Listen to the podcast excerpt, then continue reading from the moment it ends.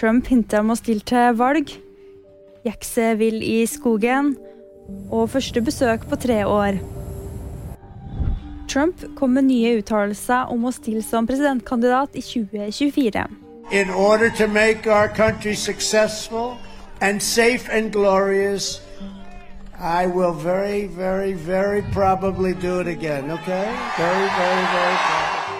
Da sa tidligere president Donald Trump på et valgmøte i Iowa i forkant av mellomvalget. Ifølge nyhetsbyrået Reuters kan en offisiell kunngjøring komme i løpet av de kommende ukene. To personer gikk seg vill i skogen mellom Grotjønn og Stray i Agder. De ble funnet av politiet natt til fredag, og den ene personen var noe nedkjørt. Like før klokka halv fem fredag morgen meldte politiet at personene er henta opp av helikopter og ble overlevert til ambulansepersonell. Tyskland besøker Kina for første gang på tre år.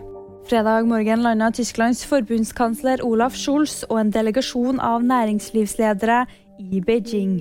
Scholz vil møte president Xi, og det er venta at han vil ta opp bl.a. spørsmål om menneskerettigheter, Taiwan og forholdet mellom Kina og Tyskland. VG nyheter fikk du av meg, Ane Mørk.